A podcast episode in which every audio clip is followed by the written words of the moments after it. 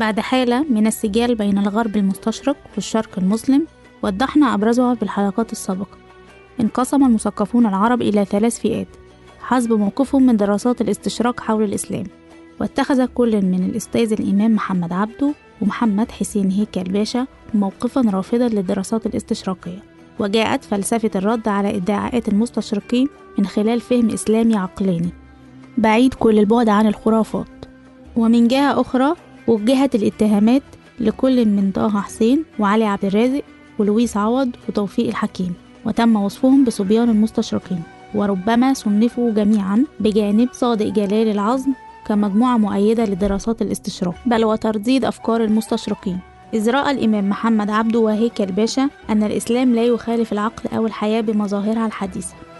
واعتبر هيكل باشا أن بعض الروايات المعجزة عن شخصية النبي تساهم في نيل المستشرقين منه. ونراه في مسألة كحادثة المعراج يذكر الخلاف حول كونها واقع أم رؤية منامية والخلاف الآخر حول حدوثها بالجسد أو الروح أو الجسد والروح معا.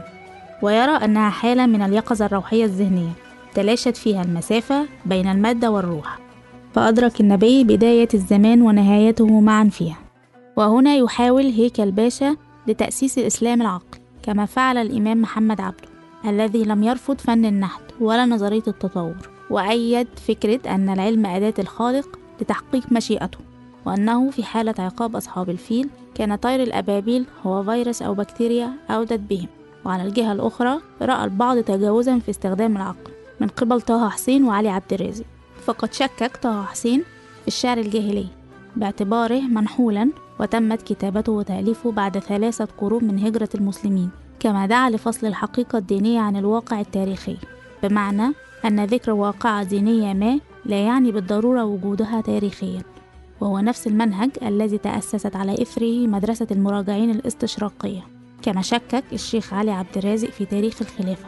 وفصلها كتاريخ سياسي مستقل عن طبيعة الرسالة الروحية للإسلام أي أن الخلافة كنظام حكم من أمور الدنيا لا الدين وبعيدا عن تأييد نظريات الاستشراق ورفضها كان هناك تيار ثالث من المثقفين العرب عمل على نقد وتحليل الاستشراق وحاول محمد أركون التعامل مع الاستشراق كظاهرة لها إيجابيات ولها سلبيات أيضا بينما قسم أنور عبد الملك الاستشراق إلى وجهين وجه أوروبا الغربية ووجه أوروبا الشرقية على أساس الرأسمالية والاشتراكية وكان يرى أن الدول الاشتراكية تقف موقف المدافع والمنصف عكس الدول الرأسمالية الاستعمارية. أما إدوارد سعيد كان يرى أن الاستشراق حالة عدوانية تنطلق من أن الشرق وجد من أجل الغرب وأن أطروحات التخلف والانحطاط والتفاوت بين الشرق والغرب كار معتمدة على أساس عرقي وقد ساوى في نقده بين المدارس الرأسمالية والاشتراكية اعتبر كثيرين أن هذه النقود قضت على بحوث الاستشراق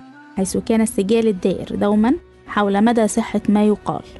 ومدى دقة المصادر المستخدمة. فمثلا كان يخرج مستشرق ما يتهم الإسلام بأنه دين عنف فيأتي الرد عليه بأنه أخطأ أو أساء تفسير النص الذي استند عليه في حكمه. ثم وجه النقد اليساري لمدارس الاستشراق أو الرأسمالية على أساس أنها أبحاث استعمارية تقرأ واقع وتاريخ وتراث المسلمين وتقر به هكذا لتجد مبرر عقلي للسيطرة على بلدان المسلمين.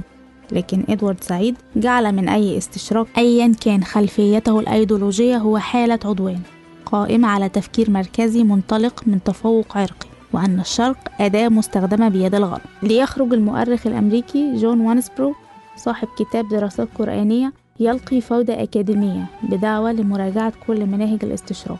ومن هنا جاءت تسمية مدرسة المراجعين وكان منهج وانسبرو منهج راديكالي جدا بمعنى إذا قام بالبحث في مخطوطة كتاب ينتمي لفترة ما ولم يجد مخطوطة من هذه الفترة يعتبر أن كتابتها تطابق تاريخها بمعنى إن عاش البخاري في القرن الثالث الهجري وكانت أقدم مخطوطة من كتابه صحيح البخاري تعود للقرن الرابع الهجري.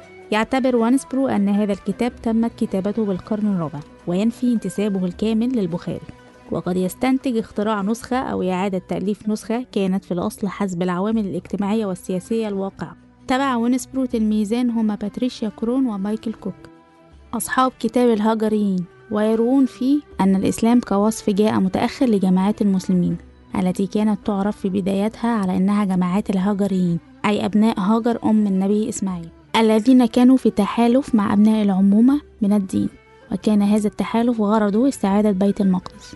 وأن الانفصال بين جماعة الهاجريين واليهود لم يتم في المدينة حسب إشارات كتب التراث الإسلامي بل تم الانفصال داخل القدس. وما أخفى حقيقة هذا الانفصال هو الطابع السياسي الإمبراطوري الذي أخذته جماعة الهاجريين التي عرفت بالمسلمين فيما بعد.